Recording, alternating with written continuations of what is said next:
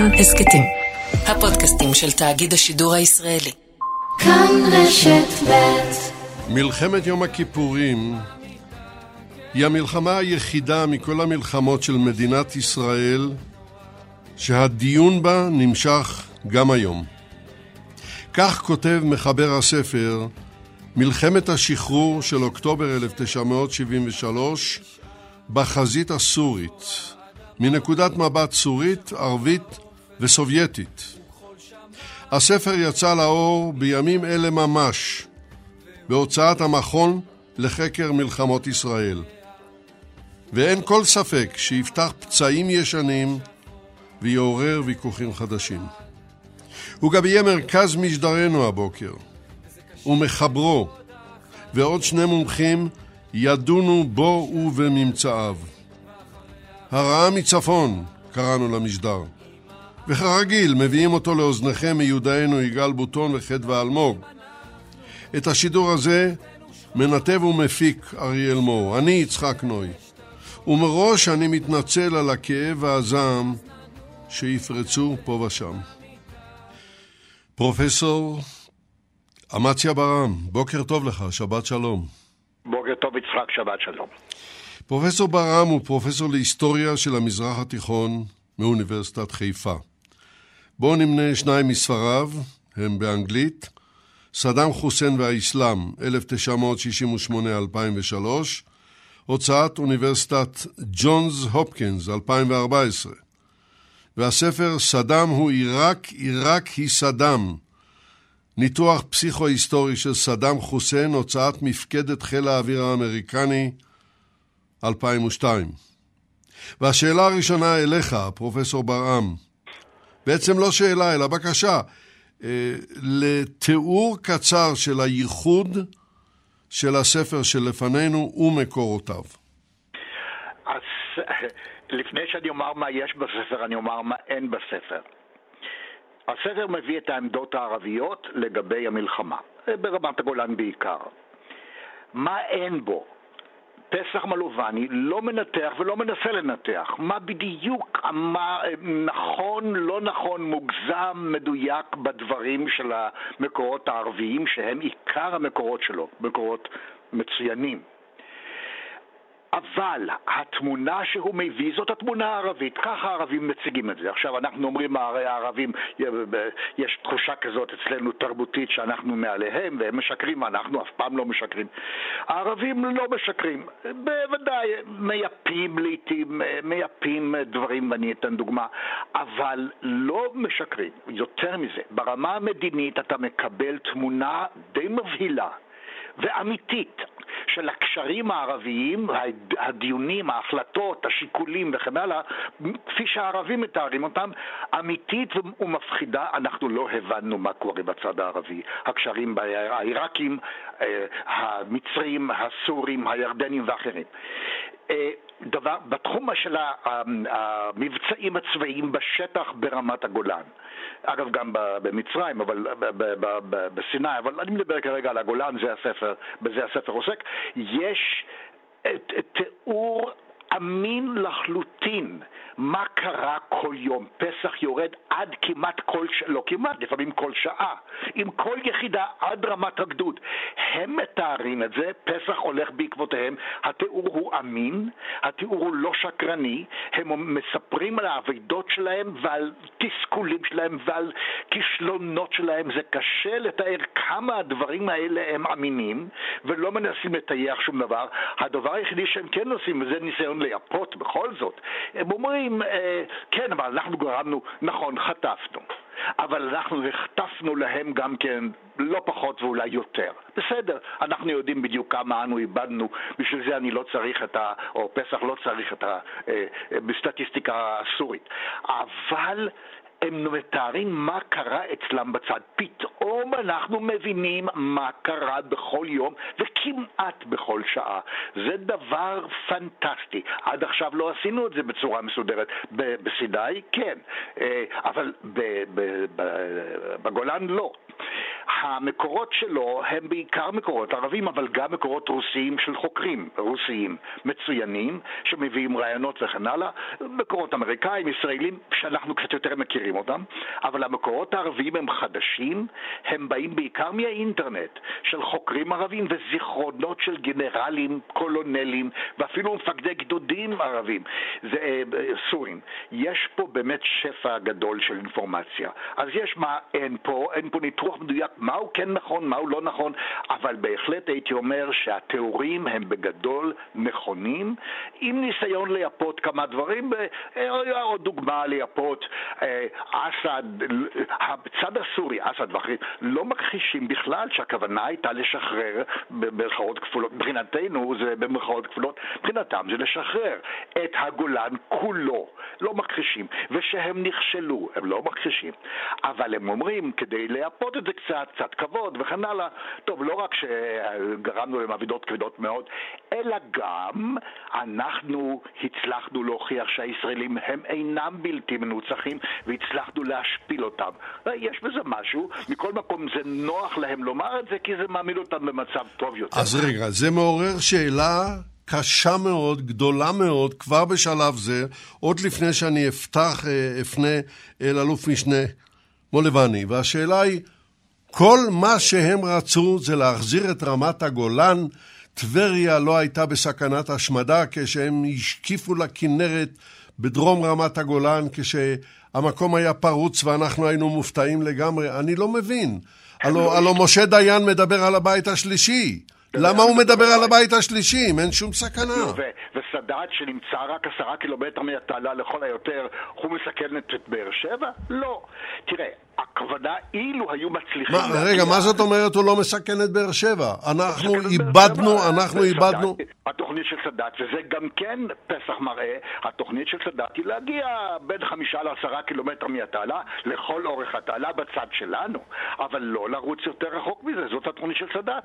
והוא משקר, ותגלית נהדרת של פסח. הוא משקר לאסד, הוא אומר לו, אני מתכוון להגיע עד המעברים, עמית להגידי וכן הלאה. הוא לא מתכוון, רק ב-14 לחודש, כי לחצו אותו הסובייטים לחץ קשה ביותר. טוב, אנחנו, אנחנו חייבים להתרכז בגזרת הצפון כמובן, אבל השאלה היא שאלה, ואנא תן איתנו על הקו, פרופסור ברם, כי אני רוצה עכשיו... כן, אני רוצה עכשיו לעבור אליך, אלוף משנה פסח מולבני, שלום גם לך, שבת שלום, בוקר טוב. שבת שלום לך, לעמיתיי ולמאזינים. כן. עכשיו ככה, אה, אה, אלוף משנה מולבני הוא היסטוריון צבאי ידוע, הוא חוקר צבאות ערב. בואו ונמנה שניים מספריו, כתב הרבה יותר, אבל נמנה שניים מספריו. מצפון תיפתח הרעה, ההיסטוריה של הצבא הסורי, 1916, 2014, הוצאת רקו... אה, רקון... קונטנטו, קונטנטו. רקונטנטו. סליחה, אבל עכשיו הצלחתי, 2014, והספר דגל אדום מעל המזרח התיכון על המעורבות הצבאית הסובייטית באזורנו במאה ה-20. הוצאת המרכז למורשת המודיעין, וכמובן אה, הספר שלפנינו, מלחמת השחרור של אוקטובר 1973 בחזית הרוסית, אני, הסורית, מה זה הרוסית? הסורית, ואני אה, פשוט אה, קורא מה, מהספר עצמו את הדברים שאתה כתבת, מלחמת יום הכיפורים בחזית הסורית, מנקודת המבט הסורית, הערבית והסובייטית-רוסית. זהו, אז עכשיו השאלה הראשונה אליך, אלוף משנה מולבני. אה, הספר והביבליוגרפיה עליה הוא מתבסס שכל כך הרשימה את פרופסור ברם. בוא ונשמע. אוקיי, okay. uh, הספר, uh, אני כבר חקרתי את המלחמה בכמה היבטים, גם בספרים שציינת uh, לפני כן, גם מההיבט הסורי עצמו, על מה שהם פרסמו, בעיקר ההיסטוריה הרשמית שלהם והספרים של מי שהיה שר ההגנה אז, מוסטפא טלאס ועוד כל מיני מקורות אחרים. אבל, אה, וגם מהצד הרוסי וגם מהצד העיראקי בזמנו. אבל כשהחלטתי לשבת עכשיו ולכתוב את הספר הזה ולהתמקד רק במלחמת יום הכיפורים, כי הבנתי שזה בעצם הנושא שהוא בליבת ההתעניינות של הציבור הישראלי, בעיקר של מי שעבר את המלחמה הנוראה הזאת. אז גיליתי להפתעתי חומרים חדשים וחלקם הגדול בלתי ידועים לנו בכלל. ודווקא אני, כמי שהיה איש מודיעין ועבר את המלחמה הזאת מנקודת המבט של המודיעין שעקב אחר ההתפתחויות גם לפני המלחמה וגם במהלכה, הופתעתי לא אחת מהדברים שמצאתי. והביבליוגרפיה, כמו שאמרתי, מתבססת גם על מקורות רשמיים אה, סורים, כמו שציינתי, גם ההיסטוריה הרשמית שהם פרסמו, וגם מסמכים שונים, אם זה מסמכי שלל ואם זה מסמכים אה, סורים אחרים שמצאתי דווקא במקורות רוסיים ובמקורות אחרים, בכלל לא מקורות סורים. הסורים אה, היו הם, עד היום בעצם די סגורים בעניין הזה ולא מפרסמים דברים, אבל זולגים להם דברים מדי פעם. אחרים, ואם מחפשים טוב, אז יכולים גם להגיע ולמצוא את זה. מה שעוד מצאתי, וזה מעניין, זה דווקא התייחסות לסורים אצל, אצל האחרים, בעיקר המצרים, שמספרים על כל, ה, על כל התפתחות שיתוף הפעולה בין שתי המדינות ובין שני הצבאות, והעיראקים שמספרים אחר כך על הגעתם ועל שיתוף הפעולה שהיה ולא היה עם הסורים, והירדנים ואחרים. ומה שמעניין ביותר הוא, עברתי על כל העיתונות הסורית מ-30 שנה, מ-1973 עד 2003, אה, בעיקר בקטעים שרלוונטיים להתייחסות שלהם למלחמה, זיכרונות ורעיונות וכולי, ומצאתי שם דברים שכמו שאמרתי, סודות מחדר המלחמה, מחדר המבצעים הסורי, שממנו אסד והמטכ"ל שלו ניהלו את המלחמה, ואני אזרוק לכם פה אה, אה, חידוש, מסתבר שזה לא היה בדמשק, הם ישבו במפקדה אחרת בדומה למה שקרה בששת הימים שהמטכ"ל ישב במפקדה בקונטרה, הם ישבו במפקדה שהייתה בקטנה, ואת זה כנראה, ואת זה לא ידענו. זה, עכשיו, זה... אה, מה שמעניין פה כן. עוד זה התרומה של הגורמים הסובייטים כמנותוי רוסיים, כי היו גם מהתקופה הסובייטית וגם מהתקופה החדשה יחסית של, של, של, של רוסיה, גם יועצים ששירתו אה, בצבא הסורי, אם זה היועץ הראשי של מפקד חיל האוויר הסורי והיועץ של מפקד המשל"ט, מרכז השליטה של חיל האוויר הסורי, ועוד כל מיני אחרים שסיפרו אה, את זיכרונותיהם, הם, חלק מהם לפי דעתי גם כתבו יומנים וספרים.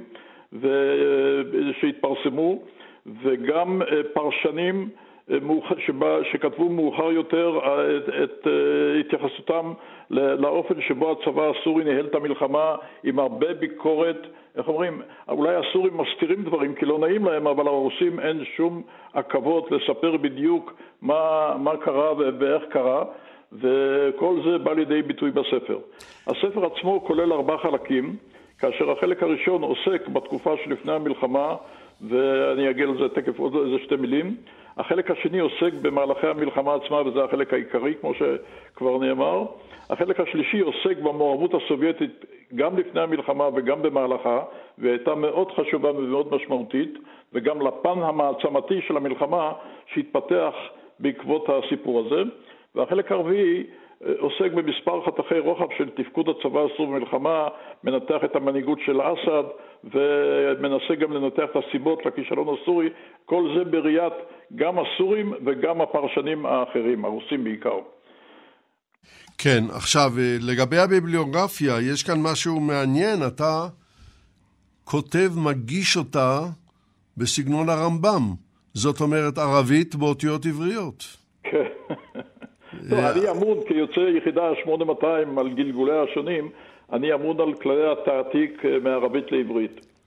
כן, ברור. ואני מניח שהאותיות העבריות הן כדי להקל על הקורא העברי. אז בואו נסתפק בזה לפי שעה, כי אני רוצה לעבור למומחה השלישי, והוא אלוף משנה חגי מן. בוקר טוב גם לך, שבת שלום. בוקר טוב לך ולמאזינים. כן, אה, אלוף, אה, אלוף משנה חגי מן היה קצין המודיעין של מפקדת פיקוד הצפון במלחמת יום הכיפורים. וחשוב לציין, במשך 30 שנה הוא שירת במודיעין שדה. והשאלה הראשונה אליך, בעקבות הדברים ששמענו עד עכשיו, תרומתו של הספר בהרחבת המידע על קטעים שלא היו ידועים לנו עד כה. ההדגש הוא על קטעים שלא היו ידועים. בבקשה. אין ספק שספרו זה של אה, פסח מלובני, מלחמת השחרור של אוקטובר 73 בחזית הסורית, מאיר בזווית נוספת ואחרת את מלחמת יום הכיפורים, הפעם לזווית הראייה של האויב. היה לנו הרבה מאוד מידע, הרבה מאוד מידע, ויותר מכך, היה מידע נוסף באמן מחקר, שהוסתר ממני כקצין המודיעין של פיקוד הצפון. היו התראות של ממש, והן מקבלות ביטוי גם בספר של פסח, בספר הזה של פסח. אלה היו התראות שמקשות עליי לקבל את המושג הפתעה לגבי מה שקרה בפיקוד הצפון. אתה יכול לתת לנו דוגמה? אני אתן כמה דוגמאות בהמשך עוד, עוד רגע. הספר הזה והמידע הרב שבו, כמובן שיש לאמת אותו, ואני אמשיך ואחר כך אני אציין כיצד נראה לי שיש לאמת אותו. הייתה כמות עצומה של מידע, וכפי שאמרתי, חלקה הוסתרה ממני כקצין המודיעין, שהגיע חודשיים לפני המלחמה לפיקוד הצפון. את חלקו של המידע לא ראיתי עד היום הזה, והוא נעול בארכיונים, והוא מידע שלא יסולא בפז. כדוגמה, התרעתו של המלך חוסיין, שהגיע לאמן ב-25 בספטמבר, ואיתו הגיעה גם תוכנית המלחמה, תוכנית ההתקפה של הצבא הסורי לכיבוש רמת הגולן, שהוסתרה ממני, ועד היום לא ראיתי אותה. עברו כמעט יובל שנים מאז שתכננו את המלחמה על כל מהלכיה, מצרים וסוריה. פסח חושף כאן דברים שכפי שאמרתי, בנוסף לכל המידע שהיה, יש כאן ביסוס, יש כאן הבנה או יכולת להבין את נוהל הקרב, כלומר, איך תכננו את המלחמה לפרטיה, עד לאיזה רמה ירדו במטה הכללי הסורי בתכנון המלחמה הזאת, עד כמה ניהלו את המלחמה הזאת בצורה כזו ואחרת, ואמרתי, ואני חוזר ואומר, נצטרך לאמת את הדברים האלה, ואני כבר הצעתי למנכ"ל המל"ם לקיים סדרה של סימפוזיונים מול הקמ"נים שלנו, ופסח שייצג את האויב. אנחנו, אנחנו נדבר על כך, אלוף משנה מן, אלוף משנה מן, אנחנו נדבר על כך בהמשך, על uh, ההצעה שלך לסימפוזיונים והתגובה המאוד חיובית של, אה, של אה, מודיעין, של המודיעין שלנו. אז בואו כן. בוא נסתפק בזה בשלב זה, תרשה לי לחזור אל פרופסור ברעם. אולי עוד נקודה אחת. כן, בבקשה. אולי עוד נקודה אחת. בהתראות שהיו ושהוסתרו ממני, הייתה התראה ב-25 לחודש, הזכרתי את המלך חוסיין, הייתה התראה של ה-CIA ב-29 לספטמבר, והיו התראות נוספות עד ליום המלחמה עצמה, או עד לערב יום המלחמה, דווקא על ידי העיראקים, הייתה ידיעה משמעותית ביותר, משמעותית ביותר, שלמיטב ידיעתי הוסתרה גם מהרמטכ"ל, ולא הובא לידיעתו, והיא הידיעה של השגריר העיראקי במוסקבה, שאמר שהוצאת המשפחות, משפחות היועצים הסובייטים, גם מסוריה וגם ממצרים, היא על רקע מלחמה שעומדת להיות בקרוב מאוד. היו סימנים מעידים נוספים, שאם תאפשר לי מאוחר יותר, אני אתייחס אליהם. בוודאי שאני אאפשר לך, בשביל זה הזמנו אותך אל קו הטלפון. אני חוזר אליך אה, בשלב זה, פרופסור ברעם. אה, אתה, אני לא יודע, היום אתה נשמע יותר כמו פרובוקטור מכל דבר אחר. אתה מדבר על כך שבחזית הדרום וגם בחזית הצפון ידעו שאין למעשה תוכנית להתקדם מעבר לשטחים שנתפסו ב-1967. לאמור, טבריה לא הייתה מטרה שהסורים רצו לחתור אליה כדי, אני יודע מה, להשמיד את האוכלוסייה. זה שהם יכולים להשמיד אוכלוסייה אנחנו יודעים, הם עושים את זה כל הזמן לעצמם, אז למה לא ליהודים? או להגיע לבאר שבע. אז בשביל מה הקרבנו קורבנות כאלה, פרופסור אמציה ברעם? אתה הלוא גם עסקת בנושא הזה.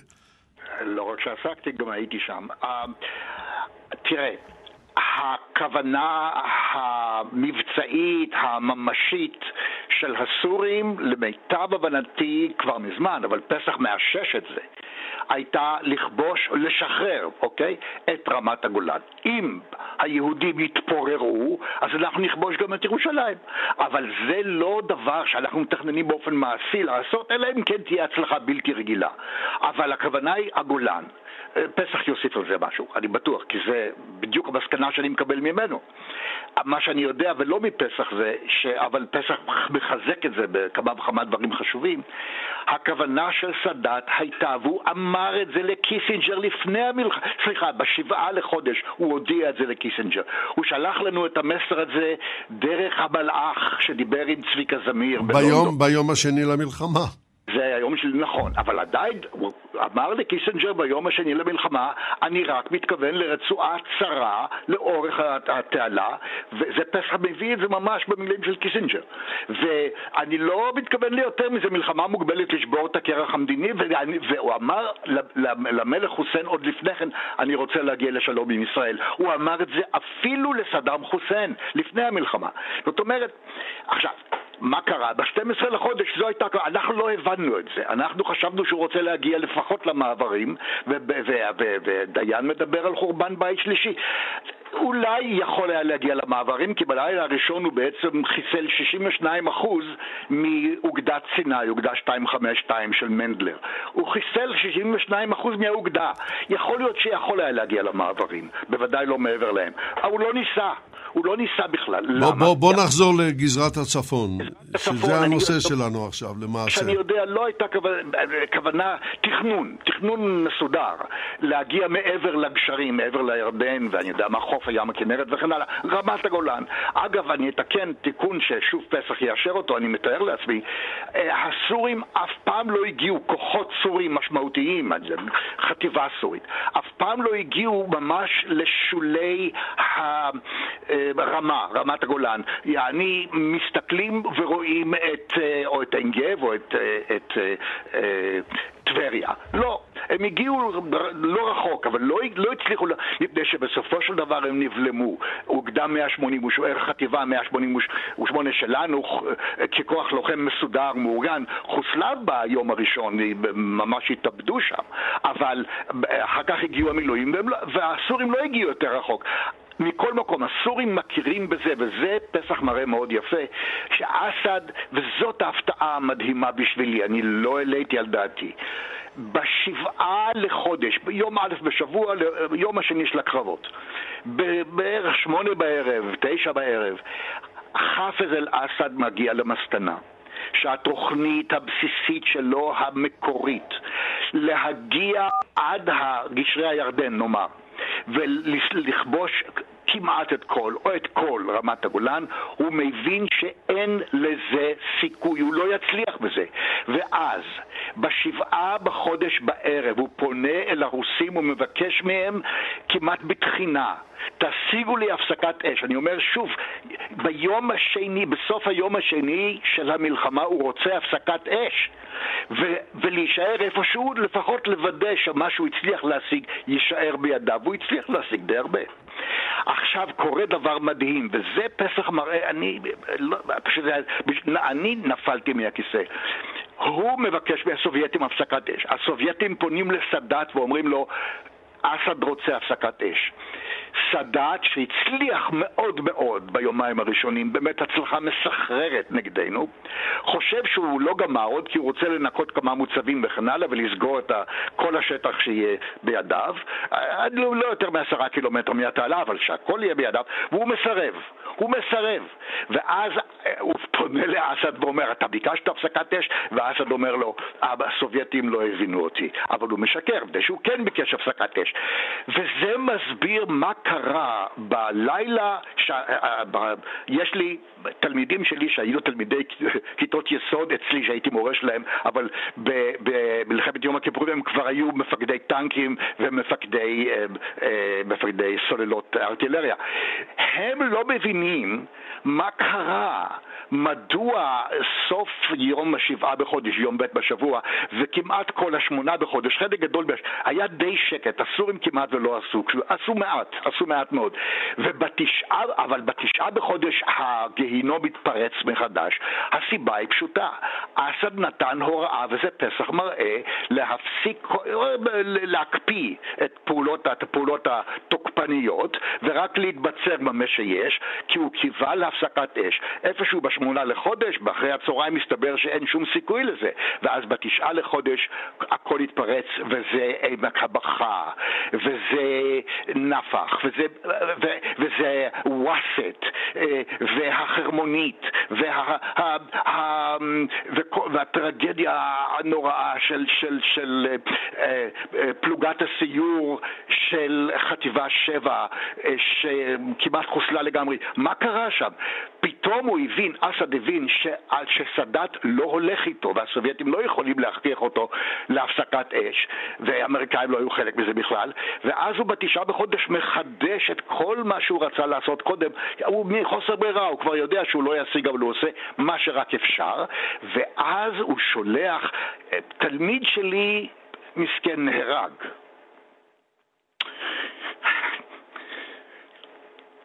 עמוס ברגר כן, אני מבין. בתשעה לחודש, הוא היה סמל בסיירת חטיבת שבע. והם בכלל לא הבינו, אני לא אומר, זה מלחמה, אתה לא הכל יכול לדעת מה עושה האויב ומי זה האויב, אבל פתאום מסתבר יאנוש לא הבין את זה, הוא שלח פלוגה עם, עם, עם זחלמים נגד גדוד מפלוגות ההגנה של רפעת. לרפעת אסד היו שני גדודי קומנדו הכי טובים בצבא הסורי, האח של אסד, רפעת. טוב, בוא, בוא בדברים האלה, אנחנו יורדים לפרטים הקטנים, צריך להסתפק. טוב, אני לומד, אבל כן. היתרון העצום של הספר של פסח, פתאום אתה לומד מה היה שם. פלוגה אחת שלנו מול מערב. מסודר של גדוד קומנדו של פלוגות ההגנה הטוב ביותר. בוא. אז אתה פתאום מבין מה קרה שם.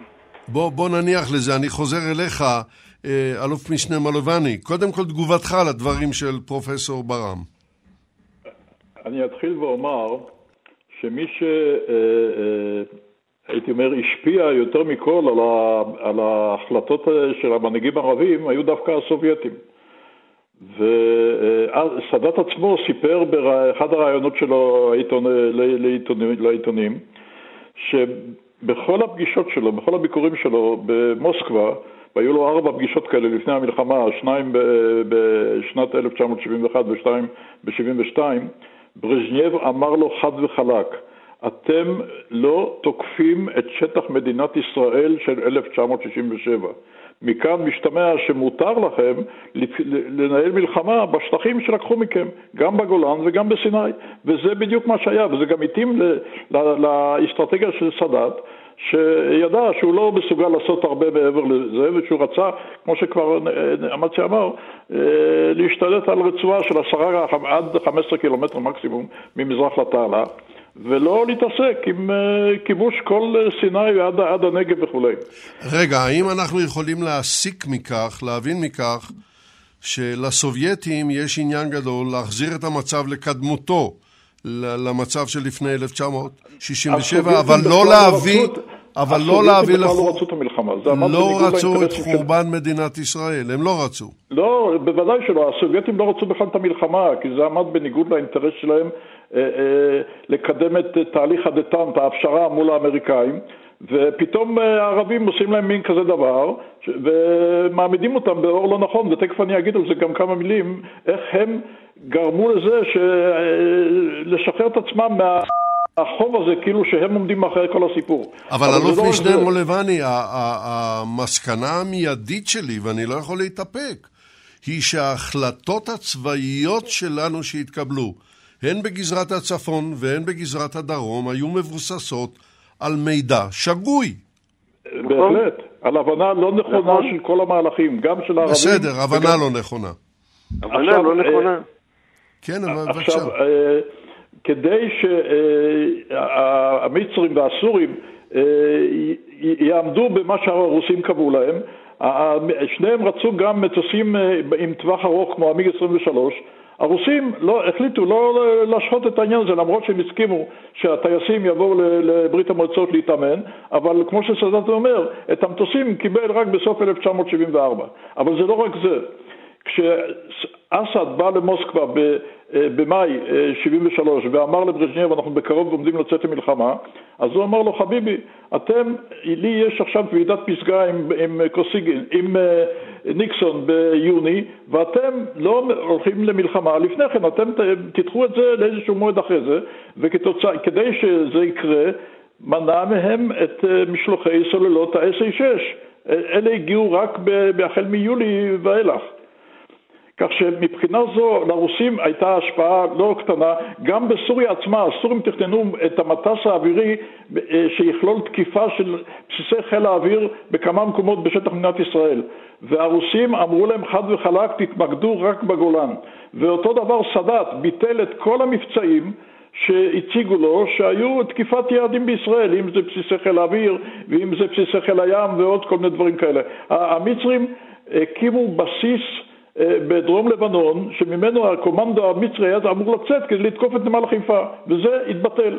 ועוד כל מיני דברים אחרים. כך שבסך הכל הייתה פה השפעה וכוונה ללכת רק על מלחמה מוגבלת, בדיוק מה שסאדאת, כמו שנאמר כבר, הודיע לקיסינג'ר והודיע לפני כן לכולם, בעצם לכולם, החל מה... מ, מ, גם למדינות ערב. אני מצאתי אה, מברק שהוא שלח לברזני באפריל 73, כדי שברזני לא יפריע אה, לעיראקים להגיע להשתתף במלחמה. הוא אמר לו, אנחנו מתכוונים לצאת בקרוב למלחמה מוגבלת. וכנראה שדבר דומה הוא גם אמר לשח הפרסי, שלא יפריע לעיראקים, שהיה אה, ידידו הקרוב ביותר, כמו שאנחנו יודעים. עכשיו, לגבי התייחס, באמת, מה שקרה במלחמה הזאת בסוריה זה בדיוק מה שניבא בזמנו הפילד מרשל הפרוסי, פון מולקה הקשיש שאמר, ואני מצטט, שהתוכניות הן טובות עד שהן נפגשות באויב. וזה בדיוק מה שקרה להם. וכתוצאה מכך, אף, אף דיוויזיה ואף חטיבה של הצבא הסורי לא ביצעו את המשימה שהוטלה עליהם בהתקפה בגולן. יש לזה כל מיני סיבות, אני לא אכנס לזה עכשיו, כי אין, כן, אין כן. גם זמן, אבל למשל, אחד הדברים, אחת ההחלטות הסורית השגויות היה לבטל, הם תכננו להנחית קומנדו על כל העליות לגולן, גם על הקשרים לירדן וגם במיצר אל על שבדרום הרמה. כדי למנוע או להקשות על כוחות המילואים להגיע ולהשתתף בקרב. הסורים רצו לנהל את המלחמה רק מול הסדק הסדיר שהיה בגולן, הם ידעו שיש שם סדק די קטן ודי מצומצם בהשוואה לכוח הגדול שהם הפעילו, והם חשבו שעם זה הם יספיקו לבצע את המשימה תוך פרק זמן קצר מאוד. התכנון, התוכנית הייתה שבשבע בבוקר, בשביעי לחודש, הם מתייצבים על הירדן, ורק אז נכנסות שתי הדיוויזיות השריון לתוך הגולן כדי להיות מוכנות אה, לבלום את התקפת הנגד של צה"ל שתגיע כשהמילואים יגויסו. וזה לא קרה, הם ביטלו את זה, ולכן המילואים הגיעו אפילו הרבה לפני אה, מה שהם חשבו אה, ש, שיקרה. ו- ולזה נוספו עוד כל מיני טעויות וכל מיני דברים אחרים, וכשאסד החליט להטיל את הקלף המנצח שלו, דיוויזיה אחת, להתקפה בנפח בשביל החודש, והוא חשב שעם זה הוא גומר את הסיפור, ופותח את הפקק שחטיבה 7 עשתה לו בגזרה הצפונית, אז ההתקפה הזאת נכשלה בצורה טוטאלית, והוא, כמו שאמצי אמר, הבין שהמטרה מתרחקת ממנו ולא לא עומד לקרות את הנס הגדול שהוא חשב, שחלם עליו כל הזמן, שהוא ישחרר את הגולן. בוא, בוא נעצור כאן לרגע, בוא נעצור כאן לרגע. ומפה קרה מה שקרה עם הרוסים, וקרה מה שקרה עם ההוראה שלו לצבא, שלפי כל מיני פרטנים... האלוף משנה מולבני, בוא, בוא נעצור כאן. את הלהט שהיה במפקדים הסורים לבצע את המשימה, ואחרי זה בסדר. הדברים כבר התגלגלו בצורה שונה. בוא, בוא נעצור כאן, בוא, אתה לא מקשיב לי, אתה לא מקשיב לי. שגם ההתקפה של התשיעי לחודש נכשלה, הוא מודיע בעשירי לחודש, הוא נותן הוראה לצבא לחזור לקו הסגול, ומודיע למצרים, יש לי את הדיווחים של הסורים שהלכו למצרים לאורך כל החמישה ימים האלה, ואני מצטט שכוחות האויב הצליחו להחזיר את המצב כפי שהיה לפני תחילת ההתקפה, מלבד גזרת החרמון ומספר מצומצם של נקודות, ואחר, ואחרי המלחמה הוא מספר שבחמישה הימים האלה הצבא הסורי השאיר ברמת הגולן 1,200 טנקים, זה היה כמעט עיקר הכוח המשוריין הסורי, ואחר כך כשצה"ל נכנס לתוך השטח הסורי, מתחוללת דרמה נוספת, כאשר הוא נכנס, הוא, הוא נאחז בפאניקה, מה יקרה עכשיו עם דמשק, דמשק עומדת ליפול, ומכינים את הממשלה הסורית לברוח אה, לחלב כדי לנהל את המלחמה משם. בוא, בוא נעצור כאן. אסד מתכונן לעשות את זה. אלוף משנה מולבני, אתה לא מקשיב לי, אנא. גם הפעם עם דמשק, רק שפתאום מגיעים המושיעים העיראקים ומצילים את המצב. אתה, זהו, אתה, היה קשה מאוד לעצור אותך, אני מבין את ההתלהבות ואת הדברים החשובים, כן, לא, אבל הייתי, רגע, רגע, רגע, רגע, אלוף משנה מלובני, אנא, אנא, פליז, אנא, אני רוצה לשמוע את התגובה של אלוף משנה חגי מן לדברים שאמרת, אלה דברים קשים מאוד, אני רוצה לשמוע אותם. אלה דברים קשים יותר מקשים. בידינו היו ידיעות שהוסתרו, ואילו ידענו רק חלק מהם. היינו נערכים כמובן אחרת, והיינו נלחמים אחרת, והיינו מגיבים אחרת. אבל הדברים האלה הוסתרו גם ממפקדים בכירים בצבא. מפקד פיקוד הצפון, האלוף חופי, למיטב ידיעתי, לא ידע מהדברים האלה, או מחלקם הגדול. לא ידע על כל ההתראות, והזכרתי חלק מהם, ויש עוד הרבה. הוא התייחס לסימנים המעידים שאני הבאתי בפניו. רגע, לפני שאתה מתקדם, אתה יכול לנחש למה הדברים האלה הוסתרו? מישהו כבר אמר שמידע זה כוח, והסתרת מידע זה בטח הכפלת כוח. אני לא יודע מה, ואני לא יודע מה היו הכוונות. אני, מהתקופה הראשונה, ולא, היית, ולא היה לי הרבה זמן בין לבין, מאז מינויי ועד תחילת המלחמה, פחות מחודשיים, הייתי במאבק במה שנקרא מלחמת יהודים עם ענף חמש, הענף שעמד מולי. הטיעונים שלהם היו שהצבא הסורי נערך כמו שהוא נערך, עם סדר גודל של כאלף טנקים, או נגיד 900 טנקים, ברצועת ההגנה הראשונה, מול 72 טנקים שלנו עד ה-26 בספטמבר. 72 טנקים מול סדר גודל של כ-900 טנקים. רק ב-26 בספטמבר הגיע הגדוד של קהלני, גדוד 77, תחילה עם שתי פלוגות מבצעיות, ולאחר מכן הגדוד כולו. סדר הגודל שלא יאומן. היחס בארטילריה היה פי כמה יותר גרוע, הרבה יותר גרוע. וכל הדברים האלה קיבלו את הביטוי שלהם בלקטים, באשגרים של אמן מחקר, הצבא הסורי חושש מאיתנו. רבותיי, ממה הוא חושש? ממה הוא חושש? והצבא הסורי, על פי המסמכים של פסח, ידע את ההיערכות שלנו. גם פסח עכשיו דיבר על כך. ידע את ההיערכות שלנו, ידע את העוצמה שלנו. ולכן זה נתקל בהתנגדות חזקה מאוד שלי, וכפי שאמרתי, הסימנים המעידים מרב הידיעות, היה לנו הרבה מאוד חומר. חטיבה 47 שנה מחומס לרמת הגולן, היה על זה מידע. מאז יוני 72 במבצע ארגז קיבלנו מידע מאוד מפורט, שאם חטיבה 47 יורדת מחומס, זה רק להתקפה. ידענו שהיא ירדה, ידענו איפה היא נערכה, ועם זאת, בלקטים של אמ"ן אנחנו קוראים בניגוד ל- לידיעות הברורות מאוד, אנחנו אומרים, אה, אנחנו קוראים שחטיבה 47 עשויה להיערך ברצועת ההגנה השנייה, זאת אומרת להגנה. הם לא ראו בכלל את הכיוון הזה. הקונספציה שיגעה את כולם, שמה מסך של לא יודע של מה. הגעת טנקי גישור ממחנה הקבע שלהם ברוסטן לרמת הגולן מעידה כאלף עדים. טנקי גישור זה לא נשק הגנתי. הנעת שתי טייסות סוחוי 7, שבוע לפני המלחמה, משדה מרוחק ב-T4 לשדה קרוב יותר, הנעת שתי דיוויזיות הטנקים ממחנות הקבע. אני לא רוצה להיכנס עכשיו לנושא של המוסד, אזעקת ראש המוסד ללונדון, פינוי משפחות היועצים, וכפי שכבר הזכרתי, ערב המלחמה, השגריר העיראקי במוסקבה מדווח, ואנחנו מיירטים את הידיעה הזאת, אבל אני לא מקבל אותה, שהמלחמה בפתח. וכמובן אשרף מרואן, שגם את ההתראה הזאת לא קיבלתי. מכל מקום, אנחנו קראנו את המפה אחרת, ולצערי הרב זה לא התקבל. פסח מאשש את הדברים, פסח בספר הזה מביא את הדברים האלה בצורה מאוד מפורטת, במסמכים מאוד ברורים. אני תוהה האם ידענו בדיוק מה היה הציוד והחימוש של דיוויזיה 3 למשל?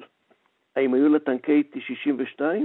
פסח אומר שלא, במסמכים שהוא מביא לא, טנקי T-54.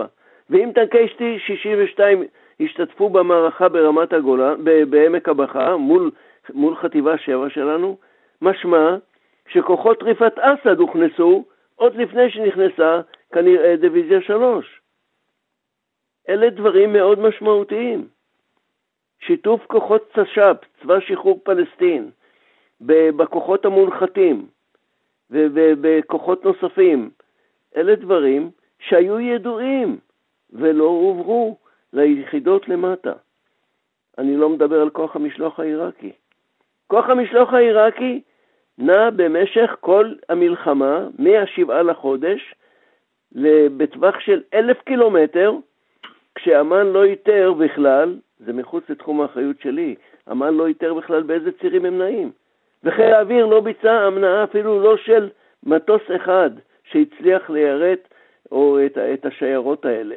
700 ואלה טנק. כמובן השפיעו השפעה חגי, חגי, נחרצת על המערכה ברמת הגולן. כן. לאחר שכבר היינו בתוך המובלעת. כן.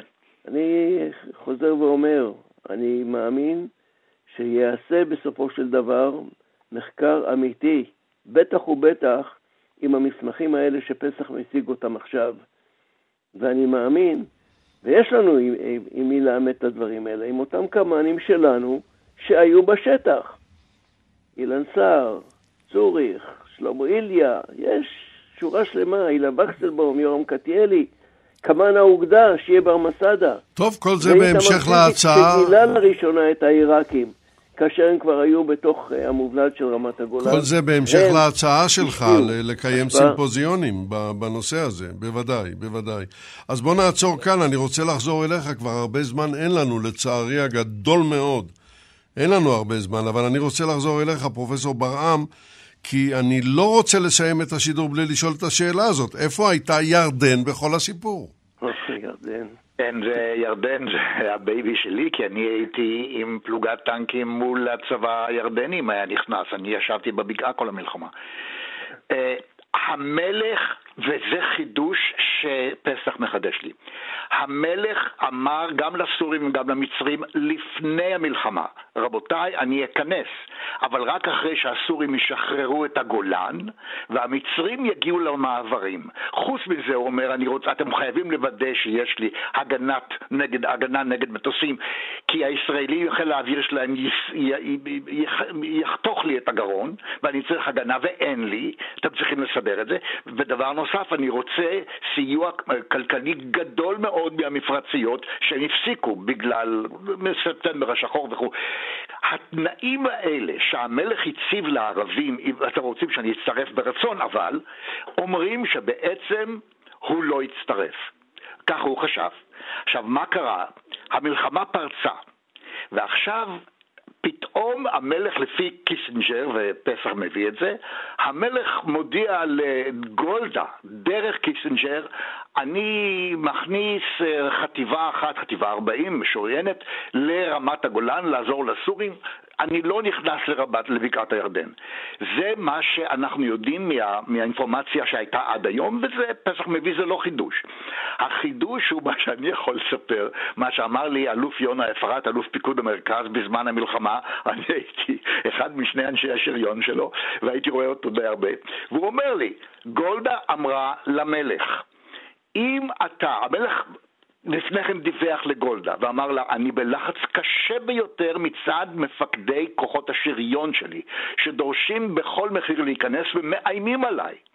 ואז גולדה עונה לו, וזה גולדה ראש ממשלת ישראל, אם אתה רוצה, אם אתה חייב, אז תשלח חטיבה, אחר כך הוא שלח עוד חטיבה, אבל חטיבה אחת, במקרה זה 40, משוריינת, לרמת הגולן, שם נקבל אותך, אותם. אבל אם אתה תשלח את הכוחות שלך, היו לו שלוש וחצי חטיבות, משהו כזה, משוריינות, אם תשלח את זה לבקעת הירדן, ושם, כפי שאמרתי, אני הייתי, אה, אני מפנה את כל מה שיש לי, בהתחלה חיל האוויר, כל השריון שיש לי, אליך. ואנחנו נגמור את ירדן, לא תהיה ירדן, ולא יהיה שלטון האשמי. אז בבקשה, תחליט מה אתה רוצה לעשות. ואז גולדה בעצם הרשתה לו, זה דבר מדהים, גולדה הרשתה לו ביוזמה שלה דרך האמריקאים, היו עוד כמה תקשורות כל הזמן לאורך המלחמה, אבל הרשתה לו לשלוח כוחות לסוריה, לרמה, ולא לבקעת הירדן. יצחק, בנקודה זאת, אם אפשר להוסיף אה, דבר חשוב. אתה יכול להוסיף ממש ב-20 שניות, לא יותר, כי אנחנו ממש קצרים בזמן. זה, בנושא זה, יחידה 848 עקבה אחרי תנועת הירדנים לתוך סוריה, ואני עדכנתי את, אה, את האלוף חופי מטר אחרי מטר על ההתקדמות שלהם, והוא אמר, יש הוראה לא לפגוע בהם בשלב זה. בניגוד לעיראקים, שלא ידענו על תנועתם בכלל, ולא קיבלנו שום דבר מהמטה הכללי, פה הייתה, היה מעקב ודיווח ממש שוטף וצעד צעד, ידענו על הירדנים, כן, אמרו, אתם כן. לא נוגעים בהם. טוב, אני, לא אני, אני אומר לך משהו, אלוף משנה חגי מן, אני, הצער הוא גדול מאוד, באמת גדול, אבל אנחנו חייבים uh, לסיים, והשאלה שלי אליך, מה היית מבקש שהמאזינים ילמדו מהשידור? סליחה? מה היית מבקש שהמאזינים, יש לנו הרבה מאוד מאזינים עכשיו, ילמדו מן השידור הזה? ילמדו, ילמדו את, את המשגה הנוראי שהיה באמן מחקר, בהבנת החומרים הרבים שהיו וההתראות היוצאות מן הכלל שהיו בידינו והוסתרו כן. מאלה שהיו צריכים לקבל אותם. ברור, ברור. על זה אני נאבק מול הארכיונים הסגורים עדיין, ואמרתי שעד היום לא ראיתי את תוכנית ההתקפה הסורית של, על רמת הגול, לכיבוש רמת הגולן, שהובאה אלינו ב-25 בספטמבר. בזה אנחנו חייבים להסתפק. אלוף משנה חגי מן. פרופסור אמציה ברם, מה היית מבקש שהמאזינים ילמדו מהשידור? 20 שניות, לא, לא יותר. קודם כל לא לזלזל באויב, שנית לא להפריז ביכולת שלנו, שלישית יכולת לשנות, לקרוא את הקרב, לקרוא אם יש, כש... הלוואי ולא יהיה, כשיש, לקרוא את הקרב, ולשנות תפיסות. על פי המצב בשטח. ולבסוף אני רוצה לומר, הלוחמים שלנו בגולן וגם בסיני, הם היו, לחמו לדעתי באומץ מטורף, וצריך להעריץ את האנשים האלה. זה הכול. תודה רבה לך, פרופסור אמציה ברם, גם לך. המילה האחרונה שלך, אלוף משנה פסח מולבני. אצלנו בדרך כלל אה, חוקרים את המלחמות רק מהצד שלנו ופחות אה, נותנים תשומת לב למה ש... איך האויב רואה את זה ומה האויב אומר. אני ניסיתי במחקר הזה וגם במחקרים הקודמים שלי להציג גם את הצד השני, חשוב להכיר אותו ולהבין איך הוא ראה את הדברים. אנחנו לומדים מזה שגם לא תמיד אנחנו הבנו את הכל עד הסוף כמו שצריך, ואני מקווה שהספר הזה משפר במידה רבה את הידע בתחום הזה וסוגר את הפערים שהיו בו עד כה, וכמובן שאשמח שעוד רבים יצטרפו למעגל של אלה שקוראים אותו, שהולך ומתרחב מיום ליום, ותודה רבה לך על המשדר הזה. כן, תודה רבה גם לך, אלוף משנה פסח מולבני. אני מניח די בביטחון שהשידור הזה לא יעבור בשלום, ועוד נשמע תגובות, כהנה וכהנה. מכל מקום, עד כאן, לבוקר ירושלמי, ירושלמי של אמצע פברואר, הרעה מצפון. לא הספקנו לעשות בכל. בכל הנושאים שהטרידו אותנו, מטרידים אותנו, ברור היה שלא נספיק, ואולם אי, אנחנו נשמח לעיין בתגובותיכם, כפי שאמרתי. תודה למשתתפי המשדר על בקיאותם המפליאה, ולכם המאזינים בארץ ומעבר לים, שהייתם איתנו והאזנתם. הרעה מצפון. הביאו לשידור יגאל בוטון וחדווה אלמוג, הניתוח וההפקה היו בידי אריאל מור, אני יצחק נוי.